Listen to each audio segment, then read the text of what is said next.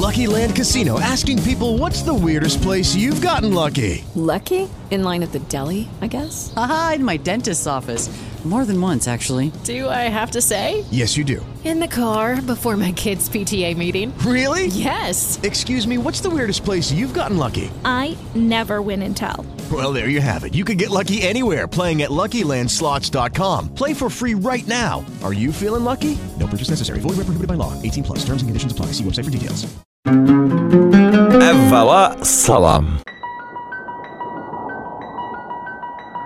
Rus klassik ədəbi Anton Pavloviç Çexovun doğma qardaşı, istedadlı rəssam Nikolay Çexov zəif xarakterli bir insan idi.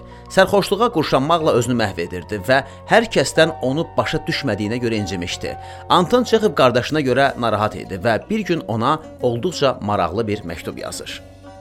Tez-tez şikayət edirsən ki, səni başa düşmürlər.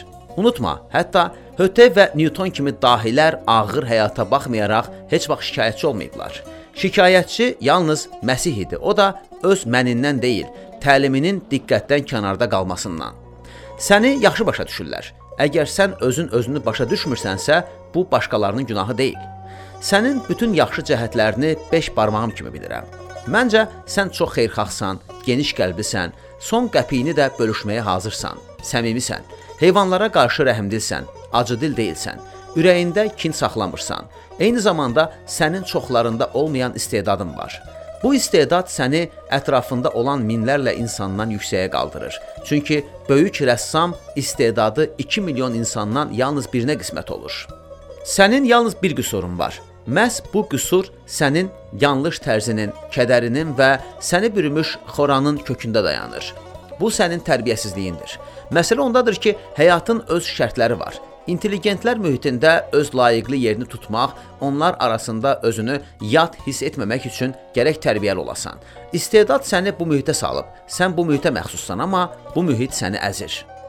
Tərbiyəli insanlar mənim fikrimcə aşağıdakı xüsusiyyətlərə sahibdirlər. Birinci, onlar səsküyə də, narahatlığa da, qazanın dibinin yanmasına da, xörəyin dadsızlığına da, evə xoşlamadıkları qonaqların gəlişinə də dözümlü ola bilirlər.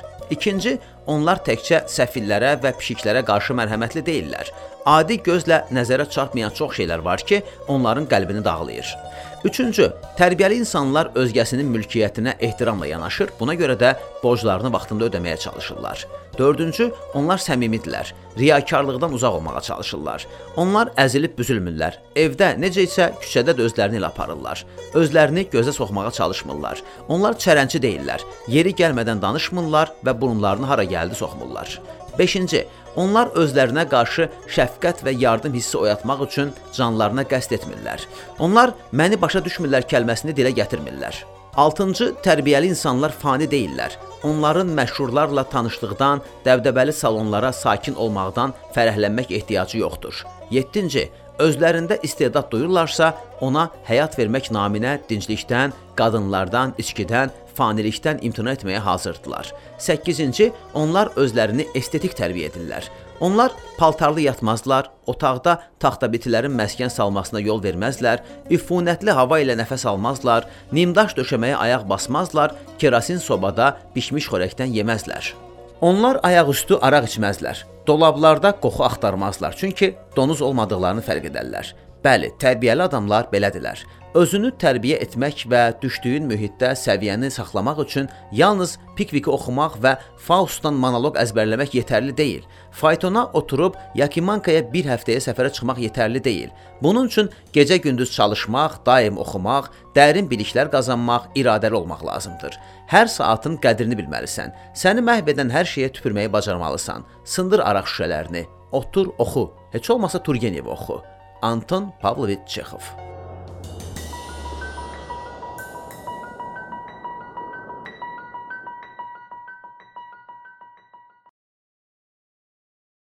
Lucky Land Casino asking people what's the weirdest place you've gotten lucky? Lucky? In line at the deli, I guess? Aha, in my dentist's office.